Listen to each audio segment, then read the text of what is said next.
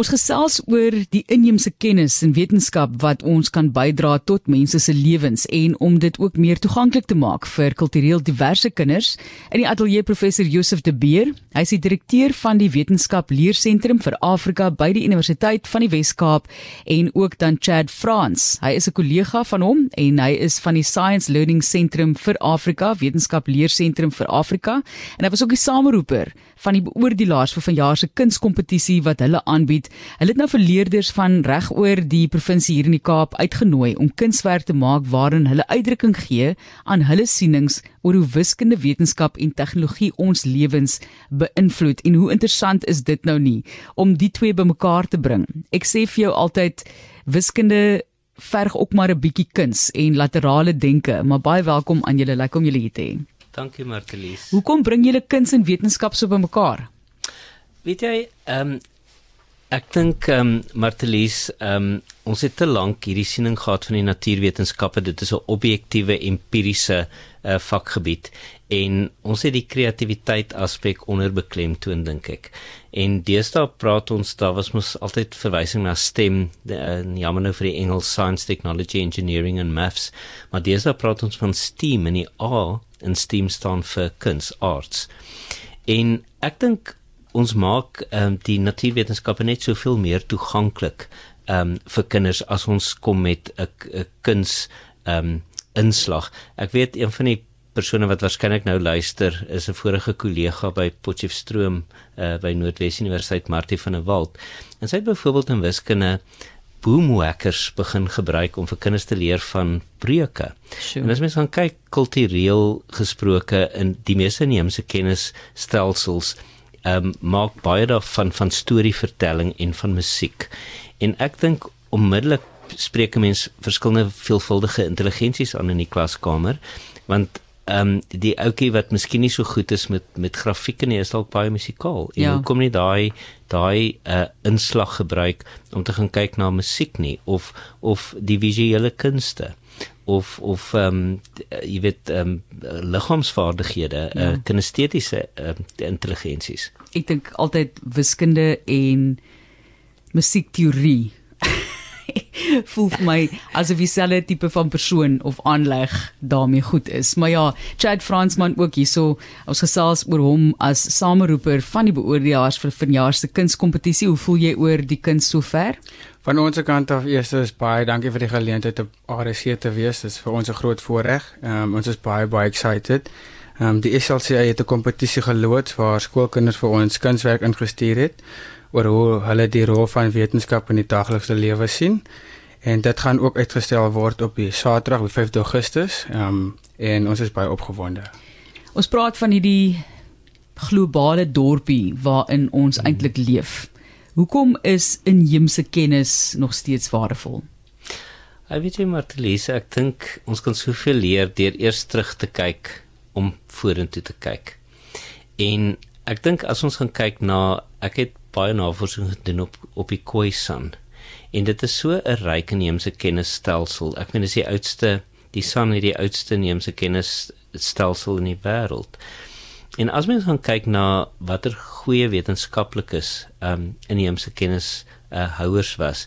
Byvoorbeeld hulle gebruik van plante. En dit is 'n vreeslike belangstelling van my om te kyk watter plante is gebruik vir medisyne byvoorbeeld en daar is soveel werk wat nou gedoen word in ehm um, uh, laboratoria om te gaan kyk maar wat is die aktiewe bestanddele byvoorbeeld in ehm um, die plante wat uh, tradisioneel gebruik is as medisyne en dan kom ons af op alkaloïde en mens kan regtig wetenskaplik verklaar hoekom gaan hierdie plant help vir my seerkeel of hoekom gaan dit my immuniteitstelsel verhoog en dis net wonderlik om te kyk hoe inheemse kennishouers die natuurwetenskaplike metode gebruik het. Hulle was goeie waarnemers. Hulle het hipoteses gehad wat hulle moes toets. En ek dink dis 'n aspek wat wat ehm um, wat ons wil terugbring want dit dit gaan vir my oor daai kreatiewe holistiese benadering. En ek dink die wetenskap per definisie soos ons dit altyd ek wil sê amper gepleeg het ja. is reductionisties. En ons het iets van daai holisme verloor. En ek dink as ons gaan kyk na hoe die inheemse kennishouers in harmonie met die omgewing geleef het en wat het ons gedoen om die omgewing op te voeder. Ehm um, kan ons teruggaan en baie gaan leer oor oor hoe byvoorbeeld die sanmense in harmonie met die omgewing geleef het en ek dink dis 'n belangrike aspek wat ons vandag ons het met soveel klimaats ehm um, uitdagings ja, en ja. uitdagings ja. wat ons moet aanspreek. Kuns, wetenskap, inheemse kennis kom alles so mooi bymekaar, maar jy dalk kan jy net vir ons 'n idee gee van of 'n voorbeeld gee van hoe 'n mens wel uitdrukking gee aan inheemse kennis en hoe jy dit kan inkorporeer by 'n kurrikulum. Ag, dit is net belangrik dat die kinders verstaan wat van hulle verwag word en um, ook van die onderwysers se kant af um, hoe hulle dit in die klas kan toepas. Ja. En veral met die kunswerk wat ons nou ingekry het, ons het verskeie kunswerke ingekry. En jy kan eintlik sien ons het um, inskrywings gekry van kinders van die ouderdom 12 tot 18 en jy kan sien die idees hardloop mal in die skole en veral in die kunsklas en hoe hulle daaglikse wetenskap gebruik om hulle self te te uitleef in die kunswerk en hoe dit 'n rol speel in ons lewe elke ja. dag. En jy lê praat van boerseep en Afrika hmm. bier hmm. en die rook van sade wanneer gewasse geplant word. Dit is baie interessante wêreld professor. Ja, weet weet jy maar te lees, ek dink ek uh, chat het nou 'n belangrike punt genoem en dit is um ek dink daar daar moet baie meer gedoen word in onderwyseropleiding om onderwysers gereed te maak vir die uitdaging. Want daar's soveel dinge, ek meen kuns wat chat genoem het is een manier om om hierdie brug te slaan tussen inheemse kennis en en en die natuurwetenskappe. Maar daar's soveel goed wat 'n mens kan doen. Ons het byvoorbeeld um, in die programme wat ons doen, wys ons vir onderwysers hoe kan hulle in die skoolaboratorium um, plante uh, ontleed om te kyk wat is die aktiewe bestanddele ehm um, wat maak dat 'n medisyne effektief gaan wees. Ehm um, dit same kennis die Kirby Bauer tegniek. Ehm um, Ja, die die sade voorbeeld is 'n interessante een. Dit kom uit Australië. Daar daar's 'n groep, 'n kulturele groep in Australië, die Noongar mense. En hulle het as hulle nou byvoorbeeld hulle ehm um, oeste gaan saai het, het dit is dit begin met ehm, 'n um, seremonie met baie musiek en dans en dan het hulle die sake die sade gerook.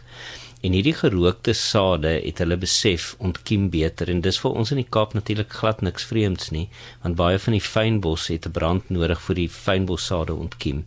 En wat ons besef het is dis dis nie die die vuur of die hitte nie, dis eintlik die rook wat maak ehm um, dat dat sade beter ontkiem.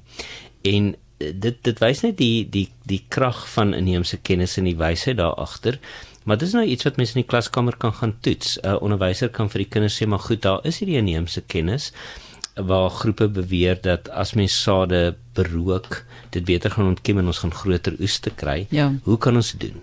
En dan moet kinders self 'n eksperimentele ontwerp ontwikkel wat hulle kan gaan toets in die klaskamer en dit is vir my waar waar mense hierdie huwelik kry tussen wetenskap en inheemse kennis.